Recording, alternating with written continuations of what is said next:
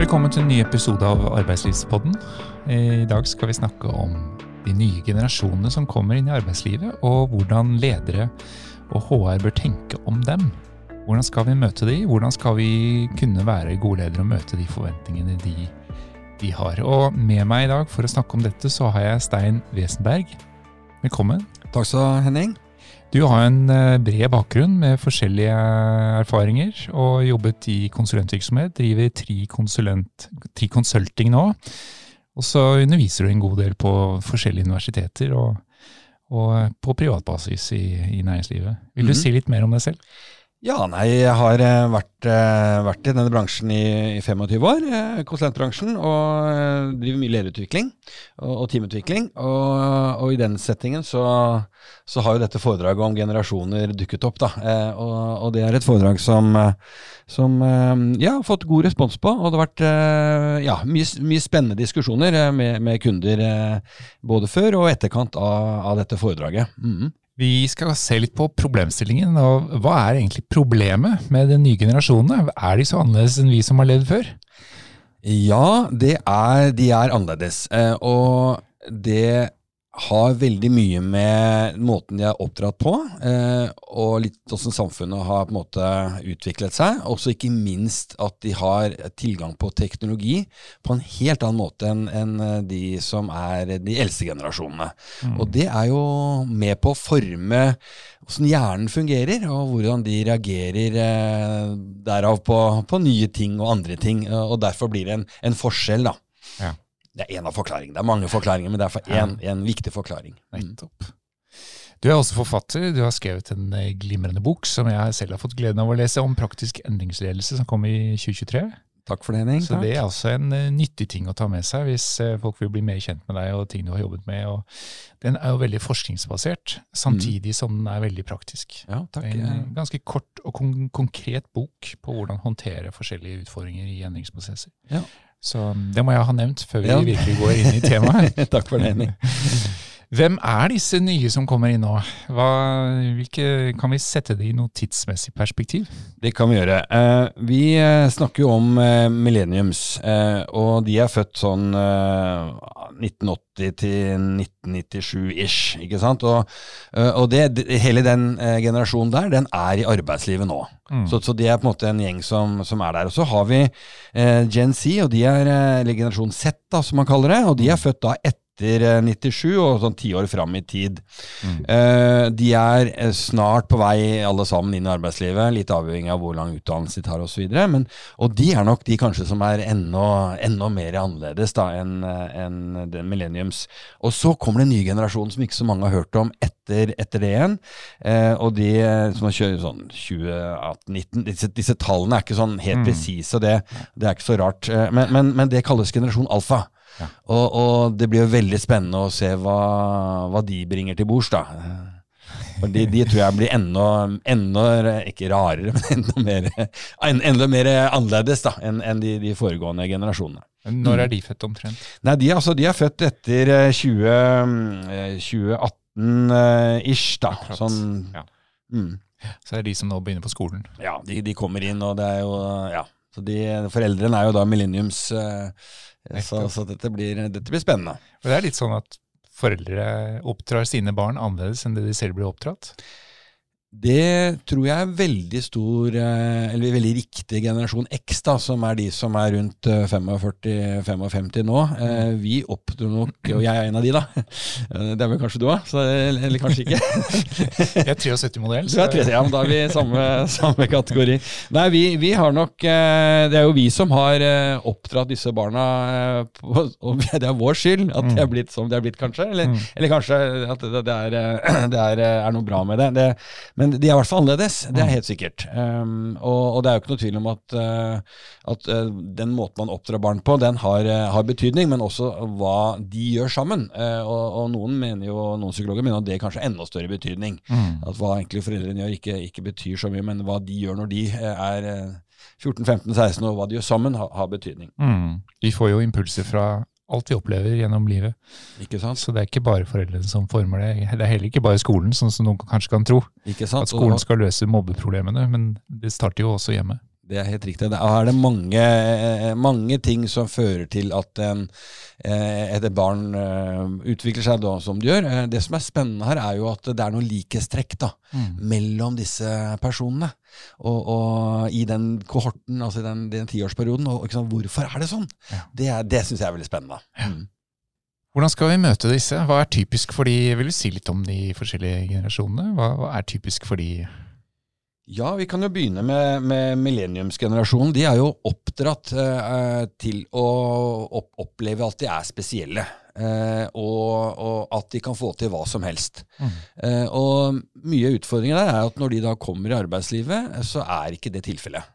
De kan ikke få til hva som helst. eh, Og det er jo oppskriften på å få dårlig selvtillit. Eh, Og, og, og det er Det tror jeg ikke er en, en stor, et stort problem. Eh, og, og, den, den og så er det jo også, De har også sett foreldrene som generasjon X jobbe fryktelig mye. Mm. de, de jobber hele tiden, og de har vært mye, mye alene. Nøkkelbarna snakker man jo ofte om. Og, og den generasjonen har også Når foreldrene kommer hjem, så er det veldig mye aktiviteter de skal gjennom. Det er fryktelig mye fritidsting eh, på en helt annen måte enn den generasjonen eh, X som, som vi var. Og, og der har du jo eh, en dimensjon at når de ser på dette her, så tenker de er er, dette, er det sånn jeg skal leve livet mitt? Mm. Har jeg lyst til å ende opp sånn? Med bare stress og mas og jag, og, og, og det er kanskje en av grunnene til at uh, de er litt annerledes, da. Ja. Mm. Så det er en bevissthet her. Jeg tror det er en bevissthet, og, Mm. så tror jeg de snakker litt sammen, sammen seg imellom også og, Mm. og, om, om dette her, da. Mm. Mm. Mm. Får de tid til å kjede seg, tror du? Jeg tror at uh, generasjon X, vi klarte å kjede oss. Mm. Vi, og vi hadde mye mer eh, det man kaller mindfulness nå, da. Mm. Fordi vi kunne sitte, når vi vokste kunne sitte med fiskestanga i to timer og ikke bli forstyrret, Mm. eh, som med en kompis. Og slappe av. Eh, som bestefar, og slappe av. Eh, og da fikk vi den roen. Eh, vi hadde ikke en mobiltelefon som pep med masse meldinger eller ting. Jeg måtte, måtte ta bilde av alt mulig rart. Mm. Eh, og, og jeg tror det er kanskje en av grunnene til at mindfulness mindfulness-begrepet har kommet, så, kommet som sånn liksom motreaksjon. da. Fordi det kan være kanskje vi mennesker har behov for å ta det litt rolig innimellom. da. Mm. Og kjede oss litt innimellom. Nå må man bevisstgjøres på at man må skru av. Ja. At man må ta pauser, og man må ha fred og ro. Og, Ikke sant? Og jeg, jeg, kan, jeg kan få en liten historie på det. For det, jeg, var, eh, jeg har tatt med barna mine på Christian Radich et, et par år. Eh, og det som skjer når du er ute på den skuta, og vi kjørte til Shetland en gang da. Når du kommer x antall nautiske mil utenfor kysten, Mm. så går jo nettet ned, ikke sant? Mm. Og da var det kanskje en ti-tolv barn på den skuta, de løper rundt på dekk og så, med mobilen høyt oppe, og 'her er det dekning, her er en strek her', og, og, og, og etter hvert så var det ikke noen streker, og så var det ikke noen dekning. Og da skjedde det etter hvert noe magisk, for da begynte, skjønte jeg at vi må gjøre noe annet. Og, og da endte det opp med Og det, det var mange timer å kjøre, altså vi var jo en hel uke. Eh, da setter man seg ned i små grupper, og så begynner man å fortelle historier. Sånn som vi gjorde da vi var små. Ja. Og de, de barna elsket det. Så fikk de masse oppmerksomhet og, og tid. Mm. Eh, og det var en veldig fin, fin ting, altså. Ja. Og jeg, barna mine synes de, de, de har lyst til å dra tilbake, og, og datteren min har til og med vært der en gang til som frivillig etterpå for å oppleve dette her igjen. da. Mm. Så det er litt interessant. Det er interessant. Det som var hverdagen for 30-40 år siden, det, det er spesielt i dag. Det blir sånn litt eksklusivt. Mm, absolutt. Eh, Millenniumsgenerasjonen de er jo litt spesielle. De kan få til alt, sier du. Eh, er det flere ting ved de som vi bør merke oss når de kommer ut i arbeidslivet? Altså Det som er interessant her, er at de, de er kanskje mer forsiktige, og for, de trenger mer forutsigbarhet. Eh, eh, og og de, de er ikke så kreative som, eh, som man kanskje skulle tro den generasjonen var. Eh, Mm. Eh, og, og det er noen forklaringer, forklaringer på det. Eh, de, jobb, de, de opplever De arbeider ganske selvstendig og sånn, men, men, men de, de liker en sånn forutsigbarhet. da. Eh, og det kan godt være at eh, selvtilliten til hele generasjonen er gått litt ned, for de skjønner at jøss, jeg, jeg kan jo ikke få til alt. Jeg, da må jeg, hva, hva skal jeg gjøre for noe? Men det, det kan være en forklaring, da. Mm. Men det er jo en forskjell til den generasjonen som kommer etterpå. Eh, for der er, det, der er det skjedd noe annet, altså. Akkurat. Så det er stor forskjell på de. Ja, og det, er- det, og det, er ikke sånn, eh, det er ikke sånn at man nødvendigvis liksom Eh, det, er jo det er ikke så lett å se. uh, så, så den generasjonen har en, har en um, ja, de har, de har, de har, de har f.eks. tilegnet seg veldig De kan tilegne seg veldig mye informasjon på veldig veldig kort tid. Og de kan nå ut til veldig veldig mange mennesker på veldig veldig kort tid, og flere av dem gjør det. Mm. Uh, Og det er interessant. Generasjon Z. Generasjon kan mm. Mm. Og det er fordi de har vokst opp med teknologien mellom hendene fra de blir født, omtrent. Ja, de har vokst opp med en litt annen type teknologi enn det, det Millenniums har. Eh, Mm. De, altså 95 kom internett, ikke sant? Mm. Eh, Men, men, eh, men det, var, det var generasjon Z som virkelig hadde de sosiale delingsverktøyene. Mm. Eh, og det, det er jo da Greta Thunberg også kommer inn, for eksempel, og hun er da et sånn type eksempel på en Mm. lita jente som plutselig når fram. Ja. Og det igangsettes masse sånne kampanjer eh, for denne generasjonen, altså de, som de selv setter i gang. Mm. Eh, og, og de er flinke på å stå foran kamera, de er flinke å snakke i forsamling. Mm. De, de har jo det Retorikkfaget er jo kommet tilbake på skolen, ikke sant. Det ble jo tatt vekk i Norge i 45 med Gerhardsen. Mm. Eh, men, men, men prestasjonsteknikk eh, kaller man det nå, da. Det, det kan de. Eh, og, og de er ikke redde for å vise seg fram. Eh, og den generasjonen har også mm, Det er en sånn de driver med branding, selv om de ikke vet at det er det det kalles. da. Ja. Eh, og, og de er gode på det. Eh, og så er det mange som setter i gang ting og gjør ting, eh, og får til ting. Og så er det mange som ikke får, til det, like, altså ikke får det til, men de, de gjør det. Så entreprenørskapet og selvtilliten er kjempehøy Mm. blant den generasjonen. Jeg, jeg kan ta et eksempel på en, en venn av meg som, som har en sønn, da. Eh, og han er vel 19 nå. Og han, eh, han eh, er veldig flink på å spille Fortnite. Eh, og han har rett og slett gjort dette til et levebrød. Og, og han kompisen min han har da også tatt uh, og kuttet ned på arbeidssituasjonen sin, eller eh, arbeidstiden. Jeg tror han bruker en dag i uken da, på å, å hjelpe han opp og fram. Ja. Og han, uh, han, han får det til. da. Og Nå selger han reklameartikler og merch og alt mulig rart. og, og får reklame på det arbeidet han gjør på Og han spiller Fortnite og gjør det han syns er kulest i hele verden. Mm. Så det er oppmerksomheten han får Flere og flere følgere, fra seerne, som gjør at han får en reklameverdi. Ikke sant? Og, så, og, så, ja, så da, og da gjør han det bra, da. Men det er ikke alle som kan gjøre det på den måten her. Det er kanskje ti-tolv stykker i, i Norge som da kan kanskje lage et levebrød av det, da. Mm. Men det er morsomt, da. Det er litt sånn, og så tenker vi, er det, er, Hva slags arbeid er det, tenker vi litt eldre. Er det, det er bare tøys og tull. Men det er kanskje ikke det. Jeg vet ikke. Markedsføringsarbeid. Ja, Det er en markedsføring, det er helt, helt klart. Um, uh, disse Skal vi tro at de vil starte flere bedrifter?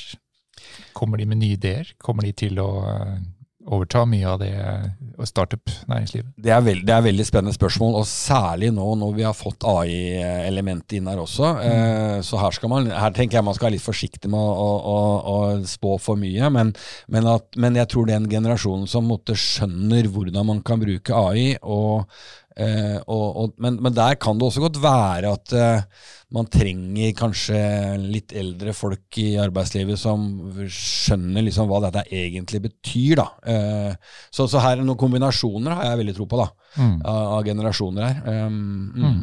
Nettopp. Kommer de til å utfordre oss? Eh, Den yngre generasjonen? Ja. Ja, det, det, det tror jeg, og jeg tror også at de allerede gjør det i stor grad. eh, Men, men og særlig, og det var en periode før AI kom, da, det er jo ikke lenge siden AI kom, Nei. eh, så var det jo på kommunikasjonssiden, så, så eh, var jo de veldig eh, gode, gode på å utfordre oss. Men Mm. når AI kommer, så man skal drive med ja, kampanje, da, Mm. så, så, er, så tekstforfatter i dag trenger man kanskje ikke i særlig stor grad. Nei. Det har man allerede på på desktopen sin. Og det er jo litt sånn vanskelig å si, men det er jo faktisk realiteten. Du ser på reklame- og kommunikasjonsbransjen i dag, den som jeg kjenner ganske godt, den, Mm. den er, eh, de, de, de har utfordringer. Ja. Og der er det en yngre generasjon som virkelig vil, er gode på dette med å markedsføre og sånn. De, de, de får kanskje ikke benyttet den kompetansen så godt, for den er så lett tilgjengelig gjennom AI, da. Ja. Som ett eksempel. Ja, også analysekapasiteten. Ikke, ikke- sant? ja. Hvordan virker dette budskapet? Hva kan vi trekke ut av erfaringer? Og, og um, rett og slett nettbasert eh, data Ja, på ja. hvordan markedsføringen treffer. Ja, absolutt. Mm. absolutt. Men når vi skal møte disse nye, da, ja. da kommer de jo ut. Og hvordan skal gamle, trauste ledere som, som oss, holdt jeg på å si, ikke oss da, men eh, alle de andre som er 50 pluss, Hvordan skal de klare å håndtere dette, og hva, hva, må de tenke på, hva må de være bevisst på for at de skal på en måte klare å ta vare på disse, at de skal bli bedriften, bli en kraft, bli en, en, en, en, en bidragsyter til vekst. Da. Ja, eh, det, jeg, eh, det, er mange, mange, mange elementer der. Det ene det tror jeg liksom du ser litt på verdigrunnlaget, mm. og det er spesielt uh, Millenniums. Ser litt på mm. at de uh, ønsker å være en del av et selskap uh, som har verdier som er bærekraftige. Det, det er veldig, veldig viktig. De, de, ønsker å på en måte føle at det selskapet de er i, gjør noe som Eh, betyr noe eh, for kloden eh, og miljøet og, og, og, og menneskeheten. Altså de, de, er, de, er, mye mer idealistisk orientert, kanskje. Ja. så det å drive og, de kjøre motivasjonsaktiviteter rundt og tjene mer penger og, sånne ting, ta heller og kutte ut all plasten i kantina og, gjør sånne ting i, som, som har, har, litt betydning, da. Mm. Det, det, er i hvert fall, og det her er mange ting rundt, rundt det verdisettet som man kan gjøre. Så det er mm. liksom en, et element. Og så er det jo mm. sånn at denne lederen, han eh, eller hun, møter um, en person som er yngre. Mm. Uh, og i det møtet så er det utrolig viktig at man prater ned sammen. Mm. Og, og, og, og, skjønner hverandre. Eh, og, og, der har jeg utvikla en del sånne eh, motivasjonsøvelser, hvor man rett og slett setter seg ned og, og snakker sammen. Liksom, hva er det som trigger deg til å gjøre en jobb? Og, mm. og liksom, hvor er din indre, indre, motivasjon kommer fra? Og, så er det også rammefaktoren rundt jobbsituasjonen. Uh, fordi at det, det, det, at man jobber da når som helst på døgnet, f.eks., det er jo veldig fremmed for oss ja, eldre, da. Ja, det er 9 til 4 som gjelder. Ikke sant, ja.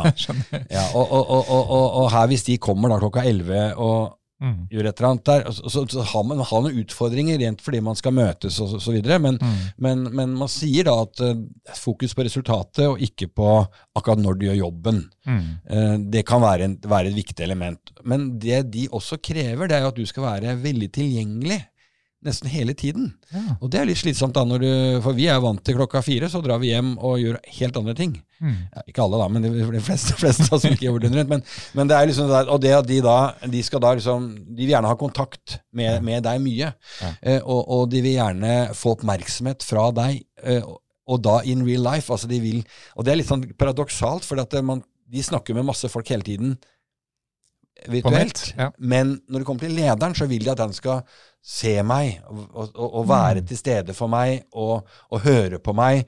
Eh, og, den er mye, mye mer eh, enn så fysisk nærvær blir viktigere? Viktigere, faktisk, akkurat der. Og, og det er jo litt interessant. Eh, eh og så er det dette med, med, tilbakemelding. De trenger også kontinuerlig feedback i større grad enn en det i hvert fall jeg gjorde. Jeg, hvis jeg fikk eh, bra jobba, Stein, eh, på fredag, så, så fint, liksom. Ja. Men de trenger feedback kontinuerlig.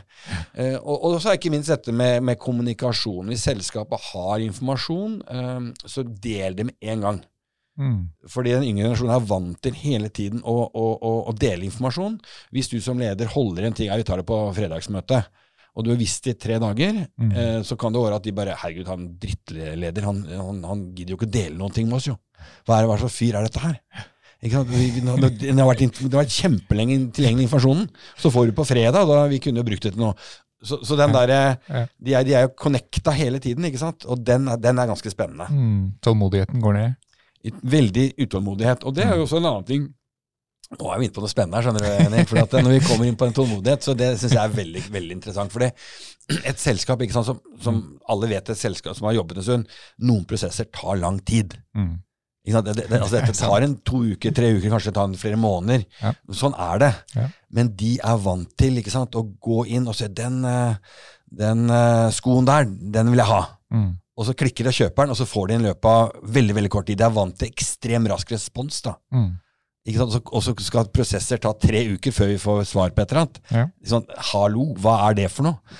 Og den utålmodigheten der, den, den er på en måte svakheten deres. da. Mm. Fordi at det, prosesser tar tid, og ikke minst i norsk arbeidsliv. Hvis vi skal bli enige om noe, ja, da har vi prosesser hvor vi snakker sammen en god stund, slik vi har samsnakket. Mm. Og, og, så gjør vi det sånn. Mm. Og, ja. Forstår de behovet for at alle må med på endringer som skal gjøres? og hva det betyr, sånn at man må ha tid til å snakke sammen og implementere det. Nå skal jeg være litt forsiktig med å generalisere for mye, akkurat, men, men jeg um, Jeg tror det er veldig veldig viktig at ledere prater om akkurat det. Mm. At, og, og så er det også her er det eh, individuelle forskjeller. Helt Mm. klart at her, vi, må, vi må se på psykologien her til den enkelte eh, og gruppenormen Ja. også. Ja, ja, dette er jo en helt generell bilde, ja, ja, ja, veldig ja. aggregert. Så, ja, det er det. så bare det er jo sånn- ikke sånn alle er. Nei, nei.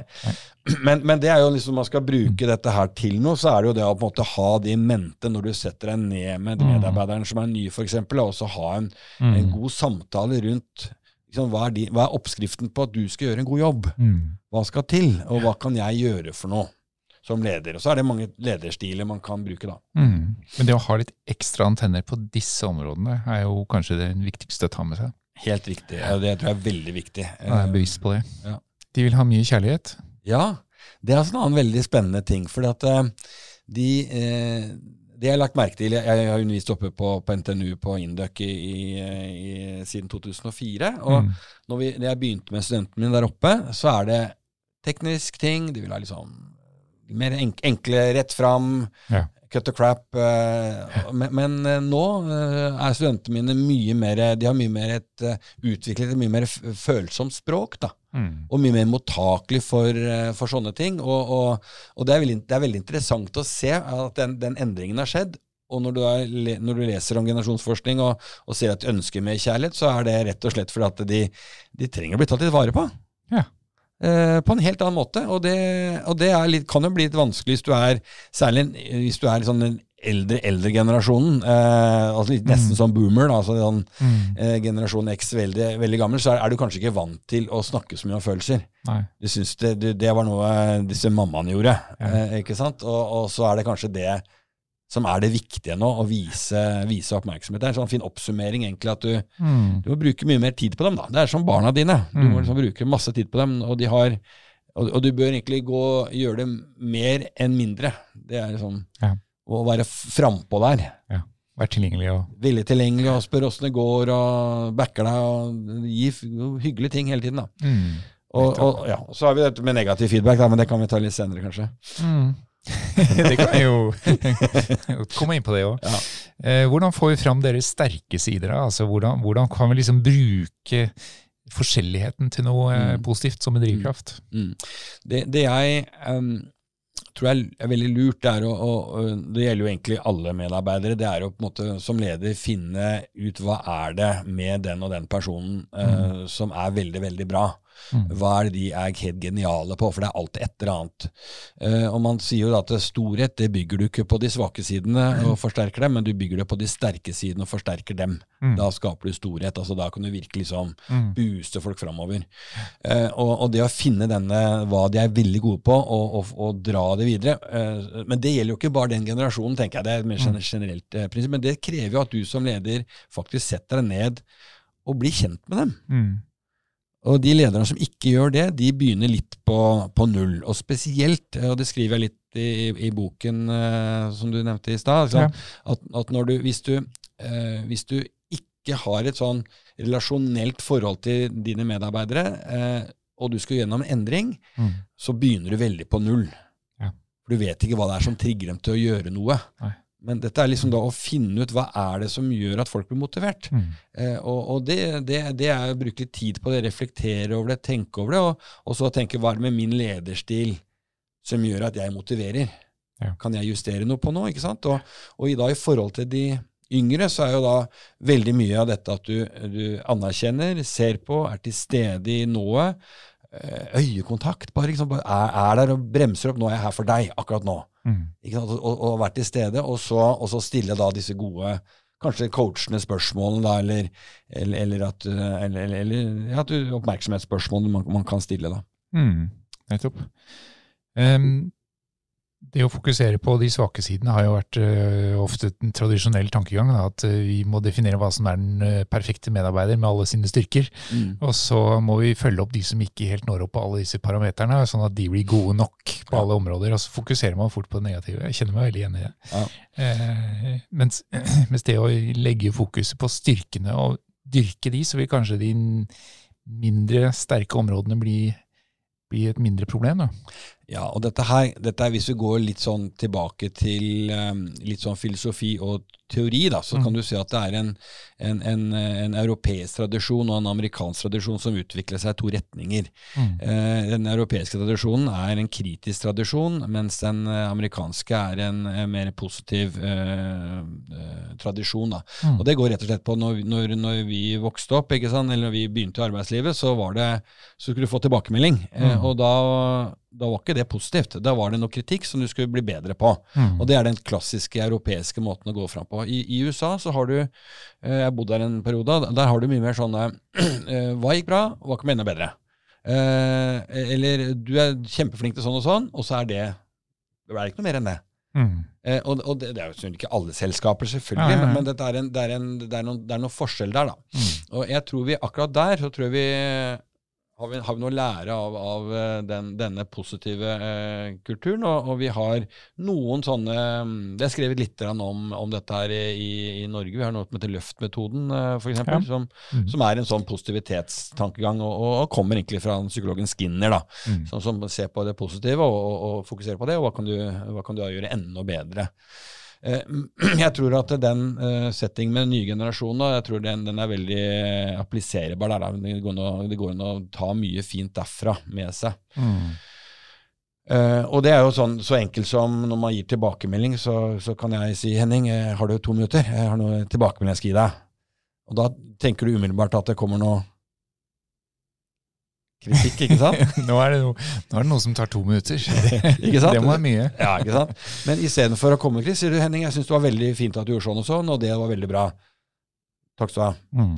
Og så er møtet ferdig. Også, ikke, noe, ikke noe negativt. Og så ja. gjør vi det samme en gang til, uka etterpå, og kanskje en gang til etterpå. Mm. Men hver gang tenker du at nå kommer et eller annet. Mm. Så gjør du ikke det. Mm. For tilbakemelding blir noe bra. Mm. Og så etter hvert så blir det en kultur hvor dette her er sånn vi holder på hos oss. Mm. Eh, og, og det er ikke så veldig vanskelig å forandre på lederstilen her sånn. Mm. Men du må bare gjøre noe litt annerledes enn du pleier. Ja. Og, det, og det, du tenker hvor mye bra folk egentlig gjør på jobben. Mm. Jeg skal si 95% er kjempebra. Ja, men fokuser på det, da. Mm. Det skaper så mye mer glede Ja, gjør det ikke og engasjement. Ja. det gjør det. Absolutt. Det nye som kommer inn, eh, vil de akseptere hierarkiet og karriereveiene og alt det vi har, måte, er vant til? Ja, Hvis vi begynner med karriereveien, da, eh, så er det jo forskjell på de som kommer inn nå. Eh, eh, hvis du har en kjempedyktig medarbeider Mm. eh, som kommer inn, og du ser potensialet til en veldig, veldig høyt, og vedkommende må da bli presset gjennom karrieresystemet i en bedrift, så, så mister du vedkommende. Mm. Du er nødt til å fast-tracke vedkommende og, og, og få frem med fort.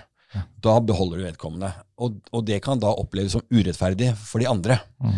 Og da er vi jo liksom midt i en sånn kulturkrasj i norsk eh, bedriftskultur, hvor alle skal liksom ha like, like rettigheter og like Mm. Alt skal være likt, ikke sant. Og, men her er vi nok i en sånn Her er det nok eh, økt individualisering som kanskje kommer til å skje. Og, Mm. altså, poenget er bare at du, du mister folk hvis ikke du Mm. har et par sånne på fast track-listen din. da. Men hvem vil oppleve det som urettferdig? Er det de etablerte, de som på en måte har gått disse gradene selv og er 50 pluss, eller er, vil de yngre også oppleve det som urettferdig?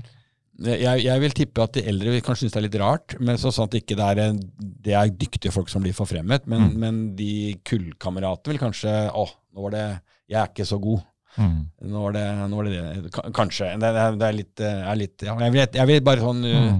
Er top, top of my head uh, tenke det, men Ja. mm, mm, Det er følsomt. ja. Negative tilbakemeldinger, man må jo av og til korrigere litt. Ja. Si at beklager, men sånn må vi ha det Ja. her hos oss, fordi Mm. sånn og sånn og sånn, og det blir mye problemer hvis vi ikke får det til, eller har du en annen måte å gjøre det på? Ja, altså jeg, jeg, jeg tenker jo der at eh, skal man lykkes med den nye generasjonen, så må man ha det man kaller en metasamtale, Mm. men bygge det inn som en del av kulturen, og ikke starte den når det går dårlig.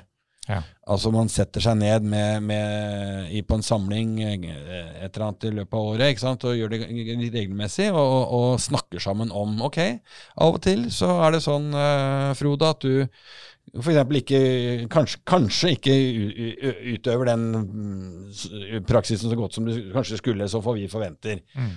Hvordan Er det en bra måte for oss å formidle til deg at dette ikke var bra nok?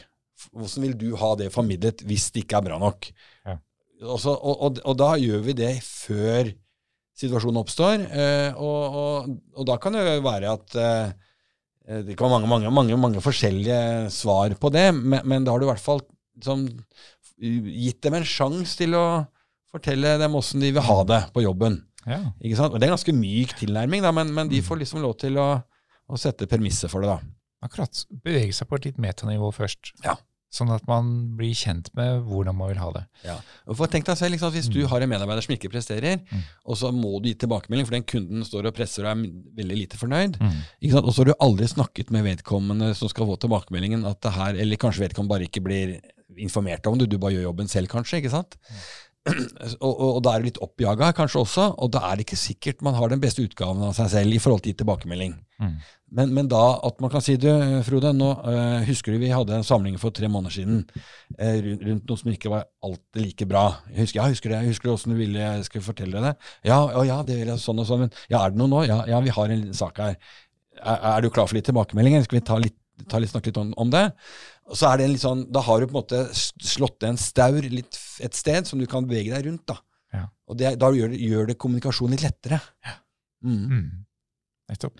Har du inntrykk av at ledere tar sånne metasamtaler i dag? Det kan jo være noe nyttig for alle generasjoner, for så vidt. jeg, I hvert fall når jeg har eh, de ledergruppene jeg sitter i, hvor vi jobber mye med dette her, så, så, så får jeg i hvert fall veldig god tilbakemelding på at det var bra at vi gjorde det på den måten der. For det er ikke alltid ting går helt som det skal. Mm. Uh, og da har vi i hvert fall fått et nytt verktøy for å kunne uh, snakke sånn på en fin måte. da. Mm. Nettopp. Mm. En, en annen måte å se på denne meta, metasamtalen på, det det er eh, litt åssen jeg, har- jeg har oppdratt barna mine. Eh, en sånn prat jeg har en gang årimellom. da. Mm. Eh, og det er Sier Philip, da. Han, han, han, når han var eh, 14 år, eller 15, så, så setter jeg meg ned sammen med Philip og så sier jeg, du Philip, du, når er du, når er du blitt 14 år, ikke sant? Ja, ja, ja. Jeg, jeg har ikke vært pappa til en 14-åring før, jeg. Nei, eh, så jeg vet ikke helt åssen jeg skal gjøre dette her. Eh, kan ikke vi ta en prat åssen du har lyst til at pappa skal være, som, og, og være med deg som pappa når du er 14 år? Mm. Ah, ja, ja. Og så, og så har vi en prat rundt det. Og så har vi samme praten når vi er 15.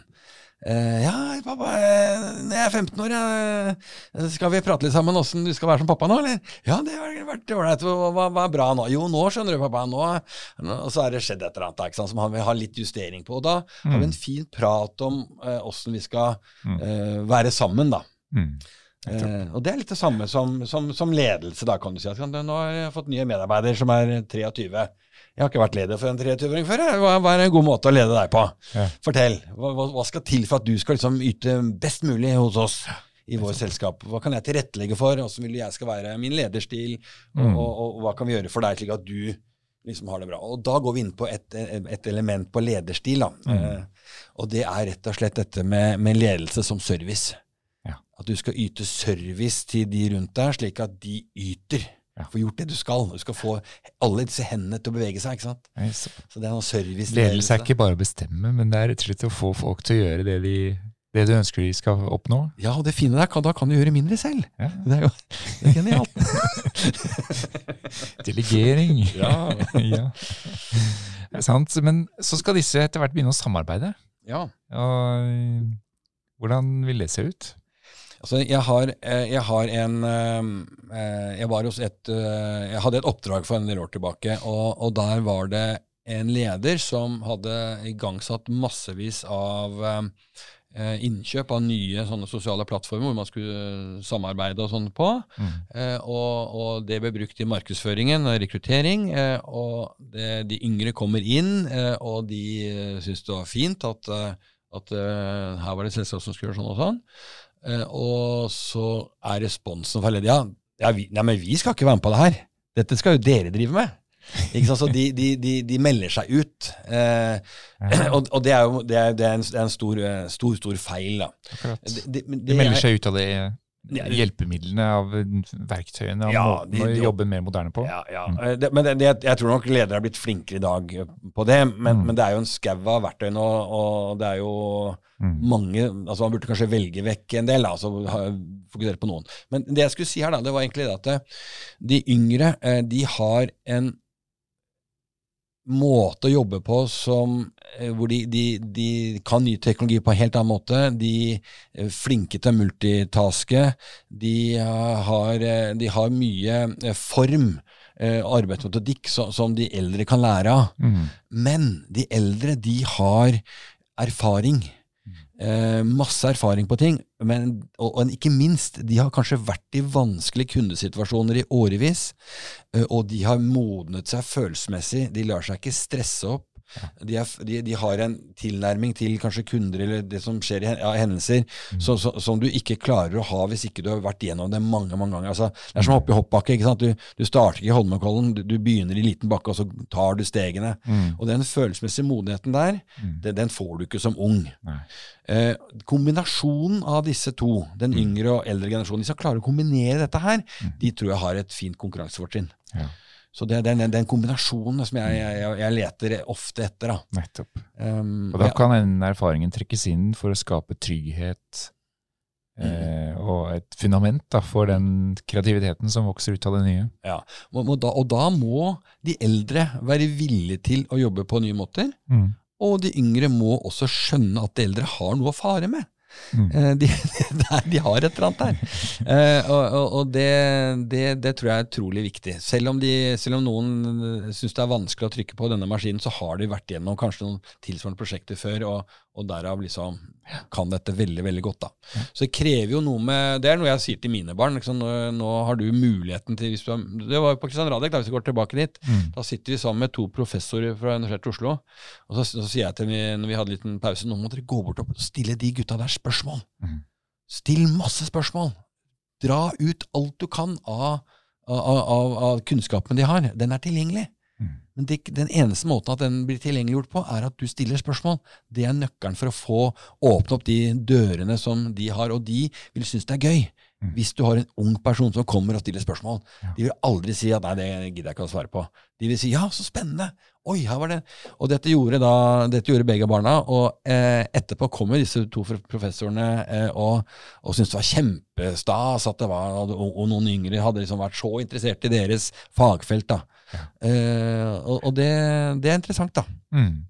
Men det er jo en utfordring å få gjort det tilgjengelig og få vist hva betyr den erfaringen. Hva er den? For det, det, du ikke har sett, det vet du ikke hva er. Nei. Så det er noe med det å gjøre det tilgjengelig, klare å kommunisere det på tvers mm. av generasjonene. Mm. Det er en utfordring. Mm. Ja, eh, skal vi oppsummere, gå mot en avrunding? Ja. Hva er liksom de to viktigste tingene å ta med seg fra, fra feltet? Jeg tenker at eh, hvis du som leder nå har hørt dette vi har snakket om, eh, så tenker jeg at du, det viktigste så er det å justere på lederstilen din. Mm. Umiddelbart gå inn i en uh, mer spørrende uh, form, uh, og dialektisk form, altså snakke mer med, med folka dine. Prøve å forstå dem. Um, man kaller det sånn oppsummert sånn coachende lederstil, serviceledelse. Um, tilretteleggende ledelse. Men, men dette, dette, dreier seg primært om å se den personen du har foran deg. Mm. Uh, litt sånn mer kjærlighet, som du nevnte i stad, Henning. Mm. Være, være, til stede. Se mm. på dem kanskje litt mer som barna dine, uten at du, uten at du liksom skal, Blir for privat. Ja, mm. ikke sant? Men at du hjelper de til å lykkes selv ja. gjennom god veiledning, og at du er tilgjengelig. Mm. mm. Ja. Og, så, og, så, er det jo dette med, dette med tilbakemeldinga, hvis det skal være én ting til. Mm. Eh, den korrigeringen, vær veldig forsiktig med negativ kritikk. Eh, de er født inn i en sånn likes-kultur. ikke sant? De, de, de, de, trenger kontinuerlig tilbakemelding på en annen måte enn det, det, det du selv gjorde. Så, og da, da tenker Jeg sånn oppsummert, så liksom der, jeg har sånn saying fra en, en, et sitat da, fra han Søren Kirkegaard, han danske filosofen. Ja. Eh, og han, han jeg syns han sier det så fint. for det han sier at når du skal kommunisere godt, eller når du skal lede godt, da, så må du gå dit den andre er. Ja. Du, du, må starte med den personen, ikke med deg selv. Mm. Ikke sant? Og Den største feilen vi mennesker kanskje gjør, er å tro at andre mennesker tenker, føler og opplever ting som deg selv. Mm. Det, er, det, gjør vi ikke. Vi, vi er veldig forskjellige. Ja. Eh, og, og, derfor liksom prøv å virkelig skjønne den du har foran deg, ja. og bruk det som utgangspunkt når du skal lede og, og kommunisere. da. Mm. Og sette seg i stolen ved siden av deg og ha det samme perspektivet. på en måte. Ja. Mm, ja. Hvis vi skal bli litt klokere på dette, utover det alt du har delt med oss, Stein, Hvor får man mer kunnskap om disse tingene? Er det noe forskning på dette? Er det skrevet bøker om det? Er det noe du underviser i? Ja, altså jeg, jo, jeg underviser jo i dette, holder disse foredragene om generasjonsutfordringer, så det, så det jeg gjort eh, ganske mange ganger de siste, siste to årene. Mm. Eh, og, og, så har du da jeg særlig en bok som heter Remix, som jeg har hatt veldig glede av. Den oppsummerer veldig mye av forskningen rundt eh, disse, særlig millenniums og, og, og generasjon Gen Z. da. Ja. Eh, eh så, og, så er det noe med å på en måte ikke hoppe på sånne bøker som er litt for lettbente. Eh, og så må man også huske på at eh, det beste hadde vært hvis det var en norsk, norsk forskning på det, men det, det, er, det, er, en del av dette her som kommer fra, fra USA. Da. De er veldig opptatt av det. Mm. Men, men eh, ja, så det De har en tendens til å være litt foran oss, så kommer bølgen ja. til Europa etter hvert. Ja, ja. Så blir jo mye påvirket av amerikansk kultur gjennom media. Mm. Så det er ikke så rart. Men det, det er stalltipset. Mm. Eh, jeg må bare takke for at du kom, Stein, og delte med oss. Veldig hyggelig. Takk for å bli invitert. Så håper jeg det blir eh, godt tatt imot der ute, at folk har nytte av å bli mer bevisst på hvordan de skal forholde seg ledelsesmessig til de nye generasjonene som kommer inn i arbeidslivet. Takk for praten. Takk for praten.